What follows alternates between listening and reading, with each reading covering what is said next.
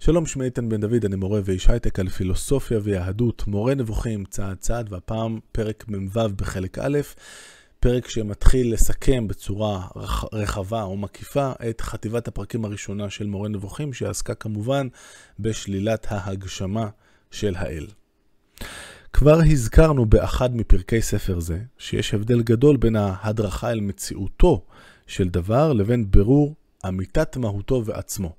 זאת אומרת, יש הבדל בין משהו שאנחנו בונים את ההכרה בקיומו של דבר מה, מצד אחד אנחנו אומרים, אוקיי, הדבר הזה קיים, לבין להבין בדיוק מהו הדבר הזה. אה, כמובן, הכוונה כאן היא ההבדל בין אה, להבין שיש אלוהים, לבין ההבנה שהיא נמנעת מבני האדם אה, לפי הרמב"ם, מהו בדיוק הדבר הזה, מה המהות של אלוהים. זאת מכיוון שההדרכה אל מציאותו של הדבר תהיה אפילו באמצעות המקרים שלו, או אף באמצעות מעשיו, או אף באמצעות יחסים שבינו לזולתו, הרחוקים ממנו מאוד. מקרים, נזכיר, זה אה, ההיבטים היותר שוליים אה, של האובייקט המדובר. למשל עכשיו אה, אני מדבר איתכם ויש לי משקפיים. באותה מידה הייתי יכול לדבר בלי משקפיים, לא הייתי רואה הרבה, אבל זה שיש לי משקפיים זה פחות חשוב, זה לא מהותי. אבל לפעמים כדי להדריך על מציאותו של דבר מסוים, אפשר להגיד מרחוק, אתם רואים את הבחור הזה שם עם המשקפיים, הוא זה איתן. דוגמה קצת יותר מוצלחת ייתן לנו הרמב"ם מיד. דוגמה לכך היא שאם אתה רוצה להקנות ידיעה על השליט של מחוז כלשהו לאחד מבני ארצו אשר אינו יודע אותו, הקנייתך ידיעה עליו והצבעתך על מציאותו עשויה להיות בדרכים רבות. מהן שתאמר, הוא האיש הגבוה, לבן האור, בעל שיער השיבה, הרי שהקנית הידיעה עליו באמצעות המקרים שלו. זאת אומרת, עכשיו יש לו שיער שיבה, פעם לא היה לו, הוא השתנה. עכשיו הוא גבוה, פעם כשהוא היה ילד הוא היה יותר קטן, וכן הלאה. אך יש שתאמר, הוא זה אשר אתה רואה סביבו קבוצה גדולה של אנשים, פרשים ורגלים, חרבות שלופות סביבו. דגלים נישאים מעל ראשו ותוקעים בחצוצרות לפניו. או הוא אשר גר בארמון בעיר פלונית שבמחוז זה. או הוא אשר ציווה לבנות חומה זו, או להקים גשר זה, וכיוצא בזה מעשיו או יחסיו כלפי זולתו. זאת הדוגמאות שהרמב"ם מביא כאן, אה, אני חושב שהכי חשובה היא הדוגמה האחרונה. אנחנו רואים את הגשר, ואומרים, אה, מי בנה את זה? אה, השליט פה. הנה, אז אנחנו יודעים שיש שליט כעובדה שהוא בנה את הגשר. זה כמובן מסתדר מצוין עם התפיסה של הרמב"ם שכבר דיברנו עליה כמה פעמים, לפיה הדרך אה, ההתחלתית לפחות, להבין שאלוהים קיים ולהבין משהו אודות מה, מה תפקידו, אה, פחות או יותר, למרות שתפקידו זה אולי משפט, ש... מושג שהרמב"ם לא היה אומר, אבל מה היחס שלו אולי לעולם, זה להסתכל על הדרך שהוא ברא את הטבע, ללמוד מדעים, ללמוד מתמטיקה. אה, וכן הלאה, להבין איך העולם הזה עובד, ביולוגיה, אה, פיזיקה, כימיה, אסטרונומיה, להתפעל מהעוצמה של הסדר של הטבע ש... והמחשבה העצומה שהושקעה אה, בכל הדברים האלה, ומזה אנחנו מתחילים להרגיש את אלוהים. זאת הדרך ההתחלתית. בהמשך נצטרך להתחיל לזקק ולדקק ולדייק את התפיסה שלנו אודות אלוהים, וזה סיפור אחר. בינתיים אנחנו בשלב הראשון של איך אנחנו מדריכים אל מציאותו של אלוהים דרך מעשיו בטבע. יש שאתה מורה על מציאותו באמצעות נסיבות יותר נסתרות מאלה. כגון שישאלך השואל, היש שליט לארץ הזאת? ותאמר כן, בלי ספק. ומה הראיה לכך? ואתה תאמר לו, החלפן הזה, אתה מצביע לו לאיזשהו חלפן, הוא כפי שאתה רואה איש חלש, קטן בגופו, לפניו כמות גדולה זו של דינרים. ואיש זה, האחר, בעל הגוף הגדול, החזק והעני, עומד לפניו ומבקש ממנו שייתן לו צדיקה כדי גרה אחת. זאת אומרת, משהו פיצי, כמה אגורות. אך הוא לא עשה כן, אלא גער בו ושילח אותו מעל פניו בדברים.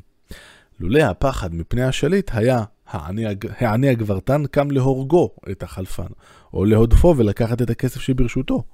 זאת היא הראיה שיש לעיר הזאת מלך. הרי שהבאת כראיה למציאותו את הסדר השורר באותה מדינה, אשר סיבתו הפחד מפני השליט והאימה מפני עונשו.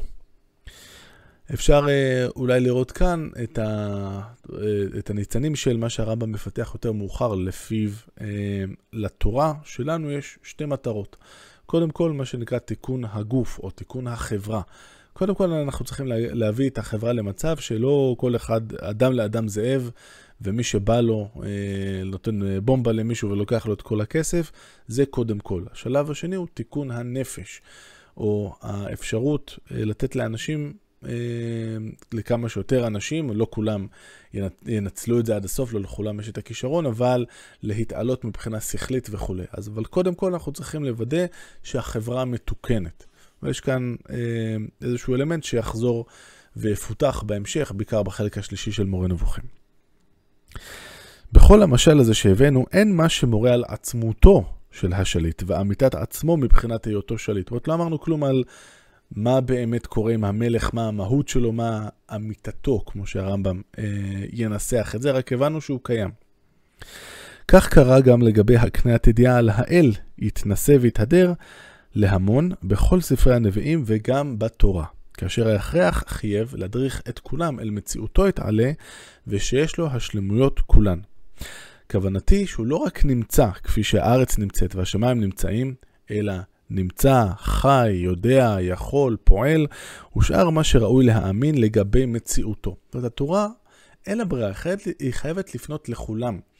לא רק לכל האנשים עם הפוטנציאל השונה של הכישרון שיש לכל אחד מהם, אלא גם לילדים. זאת אומרת שאף ילד אי אפשר לצפות שיבין את הדברים המופשטים האלה וכולי, וגם לאנשים שהם אה, אומרת, בלי אה, רקע של חינוך שיוכל לסייע באדם להפיל יותר גבוה. אז גם להם התורה צריכה להגיד משהו, אז היא מדריכה אותם באמצעים האלה של להגיד, להסביר שיש אלוהים, ולנסח את ההיגדים אודותיו באמצעים חיוביים. אלוהים הוא חי, הוא יכול, הוא פועל, כי אלה דברים שההמון חושב שיש בהם ממש, יותר מאשר שנגיד, או נתאר משהו מאוד מאוד מופשט שקשה להבין ולהתחבר אליו.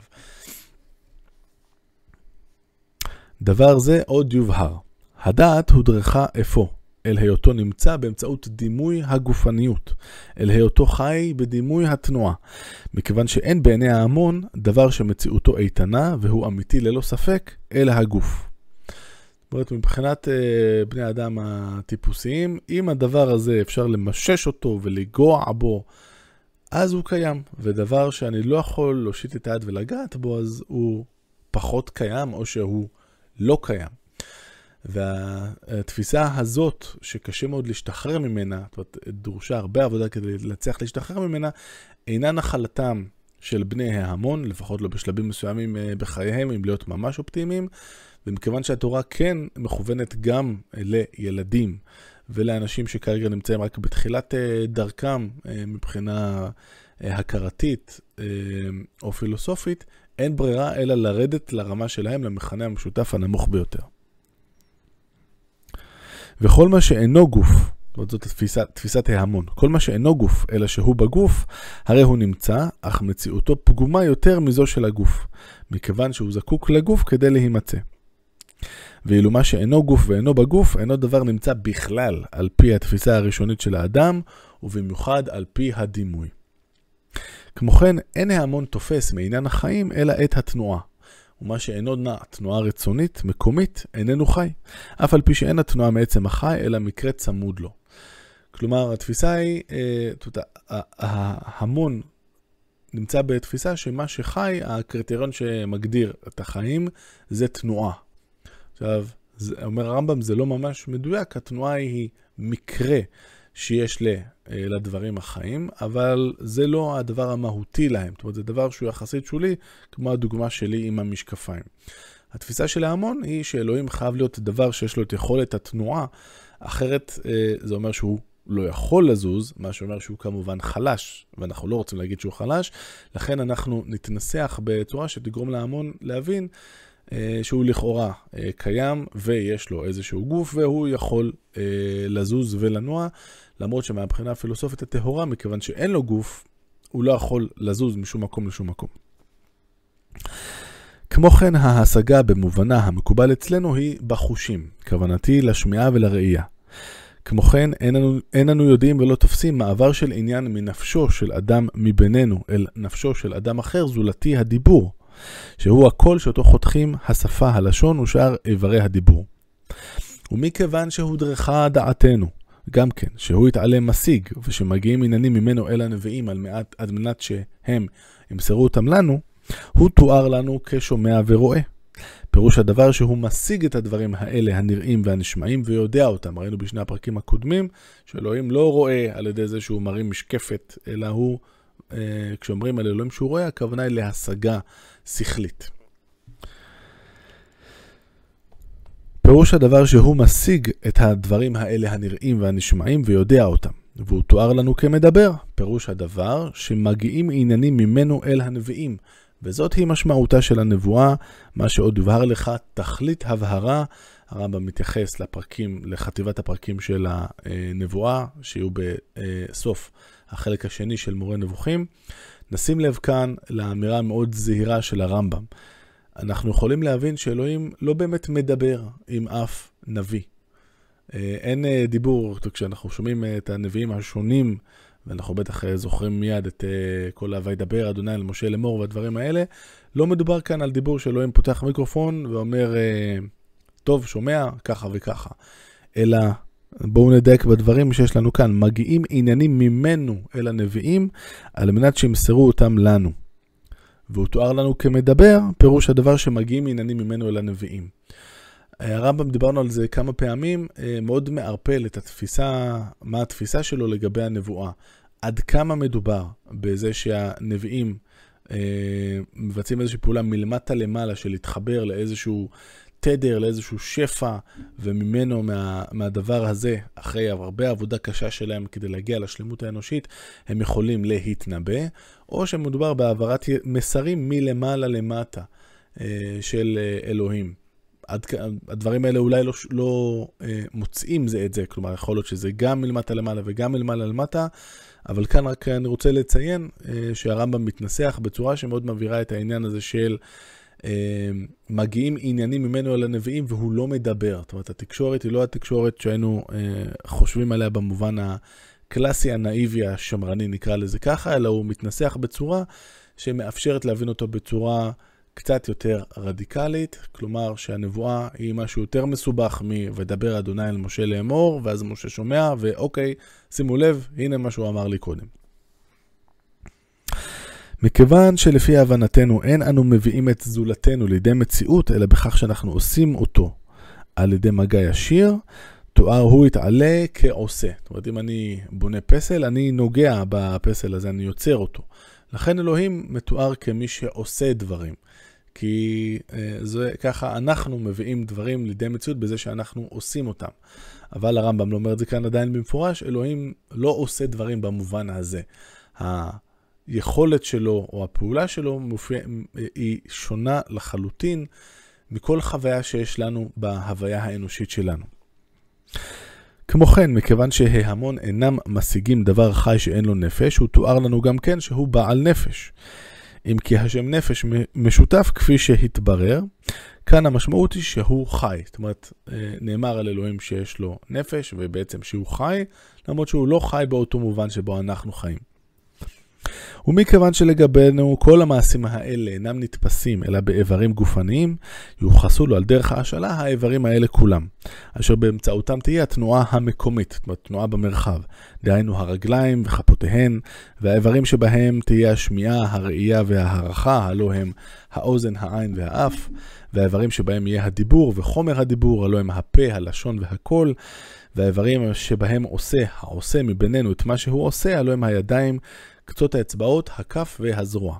בעצם הרמב"ם אה, עושה לנו כאן איזה ויש על כמות די גדולה של הפרקים שראינו. אה, היה לנו פרק שעסק במה המשמעות של רגל, ומה המשמעות של יד, ומה המשמעות של אה, ראייה ושמיעה וכולי, והרמב"ם ככה סוקר את הכל בסיכום הביניים האלה, ומבהיר לנו, ככה מחלק אותה, אותם לקבוצות מסודרות, ומבהיר לנו את העיקר שבכל אחד, שלמדנו בכל אחד מהפרקים האלה.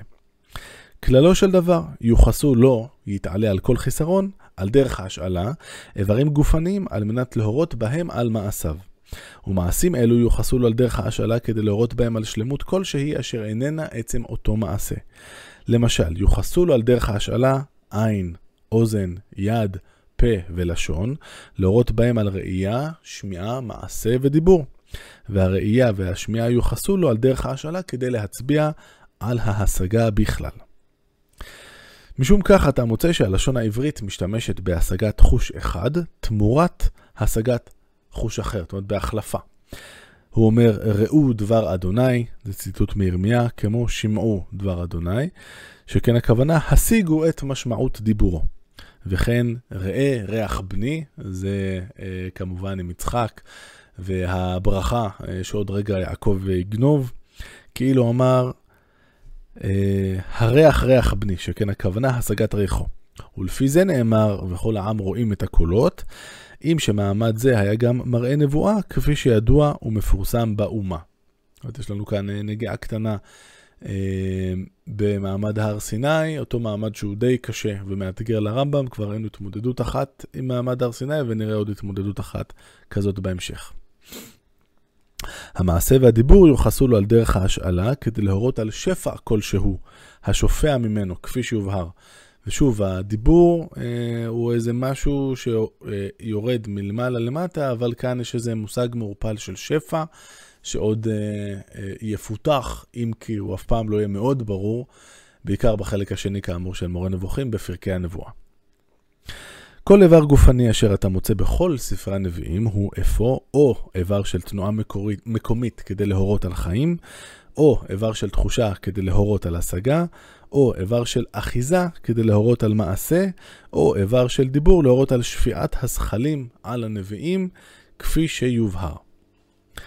מכאן שהשאלות אלה כולן באות להדריך ולקבוע בדעתנו שיש נמצא, העושה את כל אשר זולתו, ואשר גם משיג את אשר הוא עושה. זאת אומרת, אלוהים יודע מה אנחנו עושים, וזה חשוב, כי אלוהים אצל אריסטו, אין לו את היכולת הזאת לדעת מה אנחנו עושים, מסיבות שכבר דיברתי עליהן בעבר ונחזור עליהן בעתיד. שימו לב שכאן הרמב"ם אה, אה, יוצא באופן די מפורש נגד התפיסה הזאת אה, של אריסטו. עוד נראה בפרקי ההשגחה, בחלק השלישי של מורה נבוכים, שזה לא תמיד כזה ברור שזאת עמדתו של הרמב"ם. אנו עוד נסביר לכשנתחיל לשלול את התארים, וזו בעצם, בעצם תהיה חטיבת הפרקים הבאה אה, הגדולה אחרי הפרקים של שלילת ההגשמה, שלילת התארים. אה, כלומר, אה, אי אפשר להגיד, לא רק שאפשר להגיד שלאלוהים יש גוף, גם אי אפשר להגיד שהוא נפעל, שהוא, זאת אומרת, שהוא עצוב, שהוא שמח, זה יחסית קל לומר, או קל להבין, אבל גם אי אפשר להגיד שהוא חי. איך, איך, אפשר, איך אי אפשר להגיד שאלוהים חי? שאלה גדולה, ועוד נדבר על זה הרבה. אז אנו עוד נסביר לכשנתחיל לשלול את התארים, כיצד כל זה חוזר אל עניין אחד שהיא עצמותו יתעלה בלבד. אומרת, בסופו של דבר, אלוהים הוא דבר שהאחדות שלו, העובדה אה, שהוא אחד, זה משהו שמאוד קשור למהות שלו. כל תואר שנוסיף לו, בעצם פוגע באחדות שלו. עוד נדבר על זה די הרבה.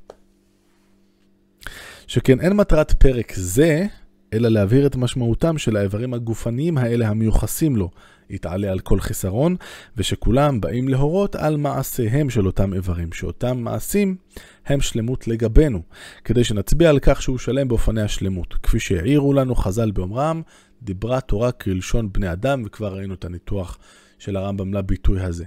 כלומר, דיברה תורה בלשון כלשון בני אדם, התורה יורדת למחנה המשותף הכי נמוך. במחנה המשותף הכי נמוך אנחנו צריכים להעביר את המסר שאלוהים אה, נמצא, הוא חכם, הוא יודע, הוא פועל, הוא עושה, הוא קיים, וכל הדברים האלה מחייבים בשביל ההמון את התפיסה של אלוהים יש תארים, ובוודאי שיש לו גוף. איברי התנועה המקומית, התנועה במרחב, המיוחסים לו את עליהם כגון דברו, הדום רגלי ו... את מקום, ואת מקום כפות רגלי. איברי האחיזה המיוחסים לו הם יד אדוני, באצבע אלוהים, מעשה אצבעותיך, ותשת עלי כפיך, וזרוע אדוני על מי נגלת, ימינך אדוני. איברי הדיבור המיוחסים לו הם פי אדוני דיבר, ויפתח שפתיו עמך, כל אדוני בכוח, כל אדוני בכוח, סליחה, שפתיו מלאו זעם ולשונו כאש אוכלת. איברי החישה מיוחסים לו הם, עיניו יחזו, עפעפיו יבחנו בני אדם, עיני אדוני משוטטות, כבר ראינו שהרמב"ם פה מערבב שני פסוקים, אין באמת פסוק שאומר את שלושת המילים האלה. הטה אדוני אוזניך הוא שמע, קדחתם באפי. מן האיברים הפנימיים, אה, הבחנה מעניינת של הרמב"ם, לא יוחסו לאל על דרך ההשאלה, אלא הלב, כי הוא שם משותף, והוא שם השכל גם כן, והוא עקרון החיים של החי, שהרי בדבריו המום מעי לו והמון מעיך, הוא מתכוון גם כן ללב. כי מעי הוא שם הנאמר בכלל ופרט, כי הוא שם למעיים בפרט ושם לכל איבר פנימי בכלל. מכאן שהוא גם שם ללב. ראה לכך דברו ותורתך בתוך מעי. זה ציטוט מדברים, מתהילים, סליחה, שהוא שווה לדבריו בתוך ליבי. גם בתהילים באותו מזמור, אה, אה, פרק מ', שני פסוקים אחר כך. לכן אמר בפסוק זה, המום מעי, המון מעיך. ולשון המיה בא כלפי הלב דווקא מבין כל האיברים, והנה דוגמה, הומה לי ליבי, מירמיהו. כמו כן, לא יוחסה לו על דרך ההשאלה הכתף. היינו אולי מצפים, כי אנחנו עוברים על כל האיברים החשובים, איפה הכתף? כי היא איבר המשמש להובלה. אנחנו שמים משהו על הכתף כדי לסחוב אותו, כפי שהוא מפורסם, וגם מפני שבה נוגעים ישירות בדבר המובל. על אחת כמה וכמה אין מייחסים לו על דרך ההשאלה את איברי התזונה, מכיוון שהחיסרון שבאלה גלוי במחשבה הראשונה. אומרת, גם כשהתורה יורדת ב... למחנה המשותף הכי נמוך, היא קצת נזהרת. היא מדברת על יד אדוני, בסדר, אבל היא לא תגיד כתף, כי זה קרוב מדי ל- לסחוב דברים. אנחנו לא רוצים לייחס את זה ממש לאלוהים, זה כאילו לרדת קצת נמוך מדי. ואנחנו גם לא נדבר על הקיבה של אלוהים וכל מיני כאלה, כי זה באמת לרדת נמוך, מה שנקרא. באמת, הרמב"ם מסכם, דין הדבר, האיברים כולם אחד, הן החיצוניים והן הפנימיים. כולם כלים לפעולותיה השונות של הנפש. מהם כלים הכרחיים לקיומו של הפרט זמן מה, כגון האיברים הפנימיים כולם. ומהם כלים הכרחיים לקיומו של המין, כגון איברי ההולדה. זאת אומרת, אה, האדם, האינדיבידואל יכול להתקיים גם בלי איברי ההולדה, אבל הם חשובים לקיומו של המין הכללי.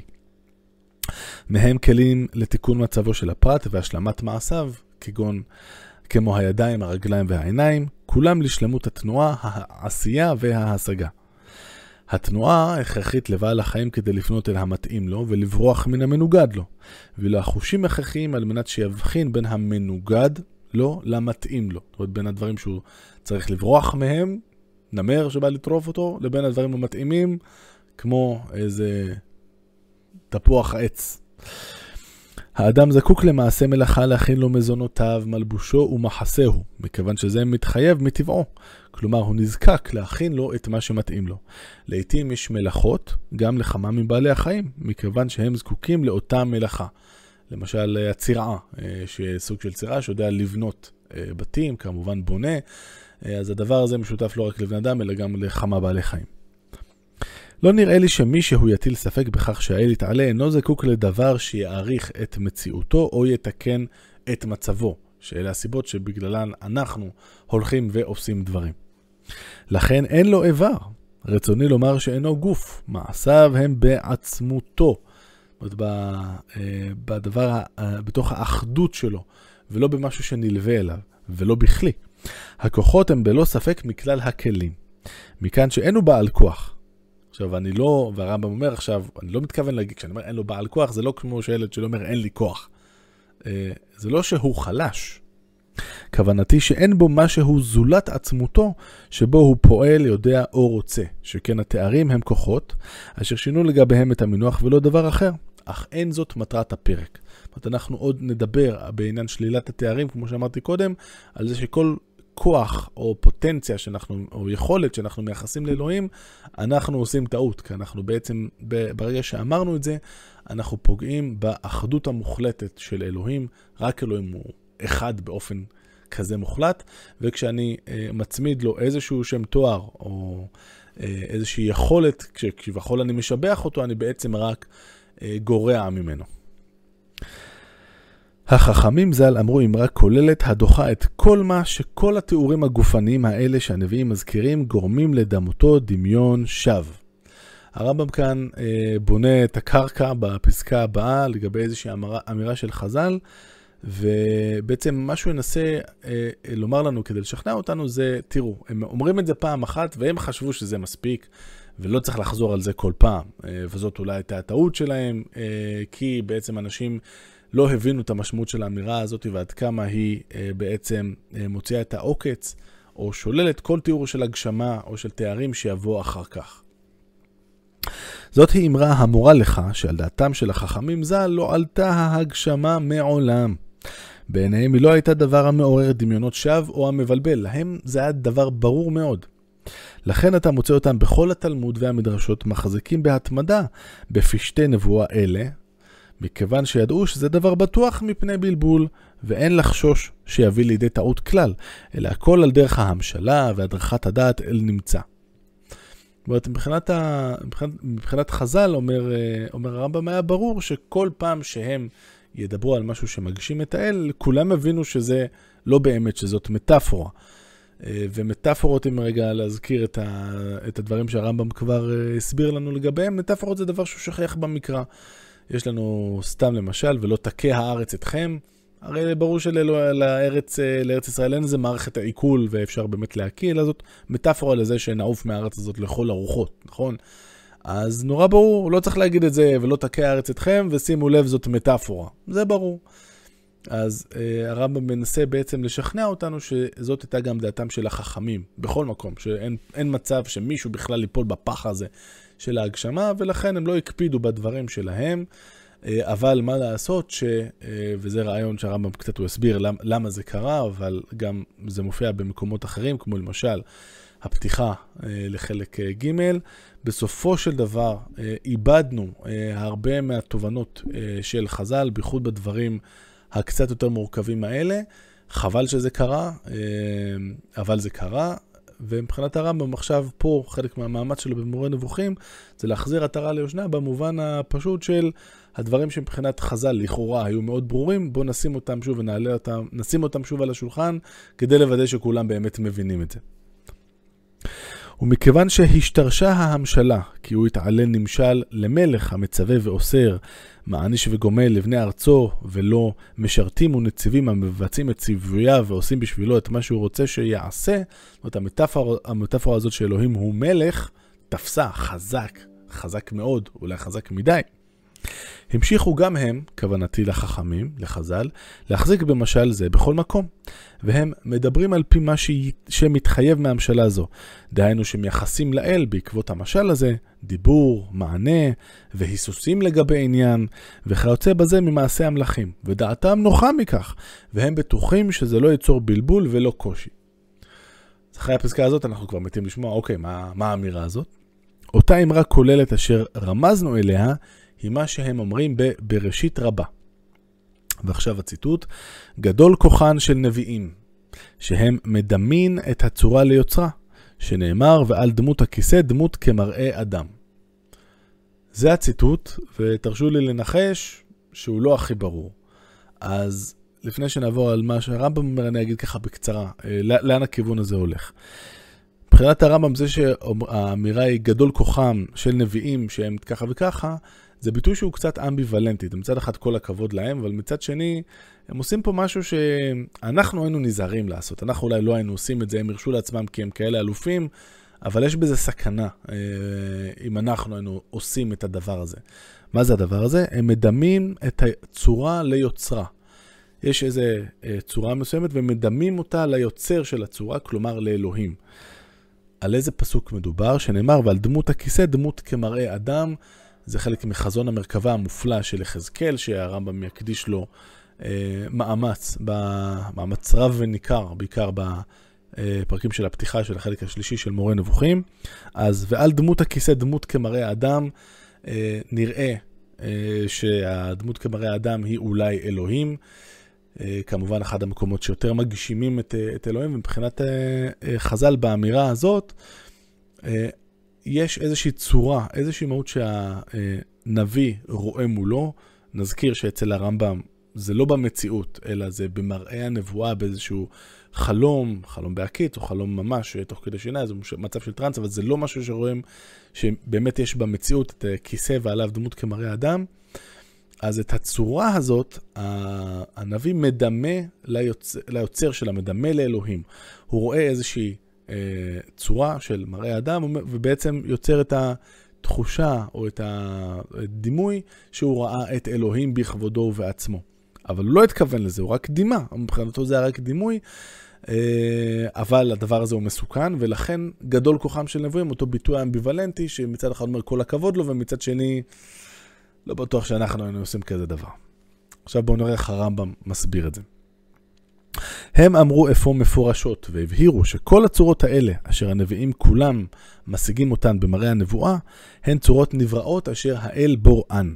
זאת אומרת, מה שלא יהיה, הם רואים איזשהם צורות נבראות שאלוהים בורא, הם לא רואים דברים אמיתיים קונקרטיים שבאמת נמצאים במציאות, בין אם זה כשהם רואים את מה שהם מפרשים או מדמים לאלוהים בכבודו ובעצמו, כמו ישעיהו שרואה את אדוני יושב על כיסא, על, על כיסא רם ונישא, או כל צורה אחרת שהם רואים. והוא הנכון, כי כל צורה שמדמים אותה נבראת.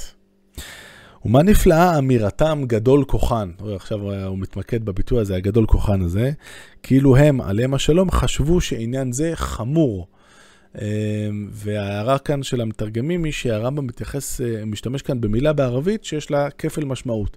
זה גם עד כמה העניין הזה הוא גדול, וגם עד כמה העניין הזה הוא חמור. זאת אומרת, גם הרמב"ם אה, אה, ממשיך כאן את ה...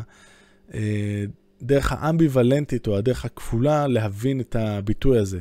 גדול כוחן, או שהדבר הזה הוא גדול, או שזה חמור, משהו פה, יש פה איזה אלמנט שלילי, הוא בכוונה בוחר, אה, הרמב"ם לא בוחר סתם מילים, הוא בכוונה בוחר את המילה הערבית שתשמר, שתאפשר לו לשמר את האמביוולנטיות שנמצאת להבנתו בביטוי הזה של חז"ל בעברית, הגדול כוחן הזה. שהרי כך הם תמיד אומרים, הגדול כוחם הזה, כשהם רואים בחומרה אמירה שנאמרה או מעשה שנעשה.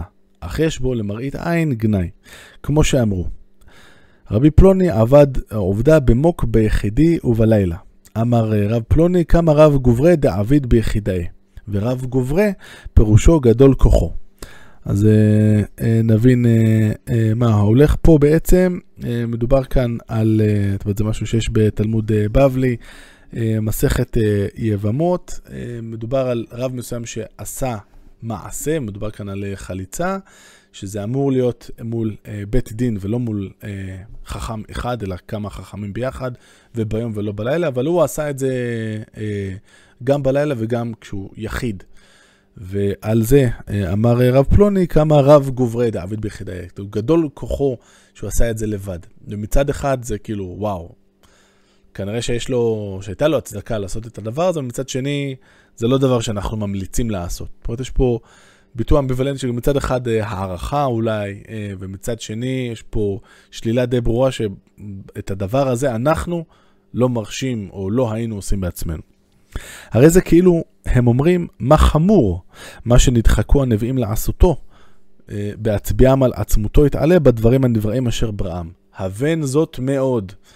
וכרגיל אצל הרמב"ם האבן זאת מאוד, אה, זאת אומרת, הרבה פרשנים, ואני ביניהם, חושבים שכשהוא אומר את זה, הוא מתכוון, שים לב, יש פה נקודה שהיא באמת חשובה, ומה שיכול להיות פה אה, חשוב כמובן מבחינתנו, זה העניין של לוודא שאנחנו מבינים את מה שאמרנו קודם, שבכל פעם שהנביאים אה, מדברים על זה שהם רואים את אלוהים, הם לא רואים את אלוהים בכלל, אלא רואים איזושהי צורה, והם רק מדמים את הצורה הזאת לאלוהים. שלא נחשוב חלילה אה, שהנביאים, עם כל הכבוד להם, יכולים לראות את אלוהים, כי אין, אין דבר כזה אצל הרמב"ם. אנחנו מתקרבים לסיום. בזאת הם אמרו במפורש, והבהירו לגבי עצמם, החז"ל, שהם נקיים מאמונה בגשמות, ושכל תבנית ומתאר, זאת אומרת, הצורה הפיזית של משהו, הנראים במראה הנבואה, הם דברים נבראים. זאת אומרת, ולא, אה, ולא הדברים כביכול כשלעצמם, אלא דימו את הצורה ליוצרה כפי שהם ז"ל ניסחו זאת. מי שרוצה לאחר הדברים האלה, לחשוב עליהם, על חז"ל, רעות מתוך רשעות, וכדי להפחית בערכם של מי שהוא לא רע, ושאין הוא יודע את ערכם, אין בכך היזק להם ז"ל. זאת אומרת, מי שבעקבות uh, כל האמירות האלה של חז"ל בהמון מקומות, שכשמפשט uh, הדברים שלהם עולה שהם חושבים שלאלוהים יש גוף, אז מי שחושב שזאת uh, סיבה טובה להגיד כמה הם היו לא בסדר, אז א', הרמב"ם מסביר שזה מתוך רשעות, וזה לא, וזה לא מאוד הוגן לעשות את הדברים האלה. ובכל מקרה אין בזה היזק להם ז"ל. הרמב"ם בעצם רומז לנו בצורה נורא ברורה, שגם אם אנחנו איתו והוא הצליח לשכנע אותנו כמה שאסור לייחס גשמות לאלוהים, שלא נחשוב שזה נותן לנו את הזכות להתייחס בצורה מזלזלת למקומות, שוב, הרבים, בהם חז"ל מתנסחים בצורה שממנה עולה כאילו הם כן מאמינים שלאלוהים יש גוף. עד כאן הפרק הזה. אני חושב שבסופו של דבר, הרמב"ם בנה את הדברים כך, שחוץ מהחלק האחרון של דימו את הצורה ליוצרה, אין כאן שום הפתעות. זאת אומרת, כל הדברים שראינו כבר נתקענו בהם קודם. בעצם הפרק הזה הוא פרק סיכום. ואנשים אה, שפחות הקשיבו לרמב"ם כמונו, אנחנו הקשבנו לו טוב, היו יכולים להגיד, רגע, אדוני, למה לא פתחת את המורה נבוכים שלך בפרק מ"ו? היית חוסך לנו 45 פרקים. כי הרי הסברת פה בעצם את כל, ה... את כל מה שאמרת עד עכשיו בצורה מאוד ארוכה, הסברת כאן בצורה מסודרת ופשוטה. אז על מה היה כל הבלגן ולמה ירקנו דם, אה, כל הפרקים האלה? וכמובן שזה לא נכון. כי כבר ראינו אה, בסדרת הפרקים אה, שעסקה בקושי שהרמב"ם מוצא בלימוד הדברים האלה, המטאפיזיים, להמון, הדברים האלה הם מסובכים, הדברים האלה הם קשים, הם דורשים הכנה, הם דורשים זמן לעיכול מצד המעיין, בנוסף לכישרון טבעי שאנחנו מקווים כולנו שיש לנו. אי אפשר, אה, אה, זאת אומרת, זה היה מאוד אה, טיפשי אם הרמב"ם היה מתחיל את זה ככה, נכון? כי הרגע הוא שכנע אותנו שאי אפשר. צריך לעשות את הדברים בצורה מסודרת, לאט לאט. הרמב"ם בונה במורה נבוכים איזשהו סולם, והוא עוזר לנו לעלות בו צעד צעד ולהתקדם בהבנה שלנו ובהכרה שלנו לקראת ההגשמה עד כמה שניתן של הפוטנציאל האנושי שלנו, להכיר את אלוהים כפי כוח האדם. הוא מבין שהדבר הזה, חינוך, חייב להיות הדרגתי, חייב להיות אה, איטי ועמוק ומסודר. אה, ו... וזהו, ואם אנחנו מאבדים בדרך אנשים שלא הייתה להם סבלנות לקרוא את מורה נבוכים, לא נורא. אנחנו ניזכר בדברי הרמב"ם בפתיחה, שמבחינתו הספר הזה, גם אם מיועד לבן אדם אחד מתוך עשרת אלפים, אה, אז אין לו בעיה עם זה. הספר הזה מכוון לאנשים האלה שיש להם סבלנות, שמוכנים לקחת על עצמם את המשימה המעט מייגעת, אה, אך הבלתי נמנעת, של לעבוד לאט לאט עד שמגיעים למתקדמים צעד צעד, אולי לא נגיע, אבל העיקר הוא ההתקדמות. עד כאן לגבי הפרק הגדול הזה, ללא ספק אחד מהפרקים החשובים אה, במורה נבוכים אה, בכלל, לאור תפקידו כסיכום ביניים של שלילת ההגשמה. עד כאן להפעם, להתראות.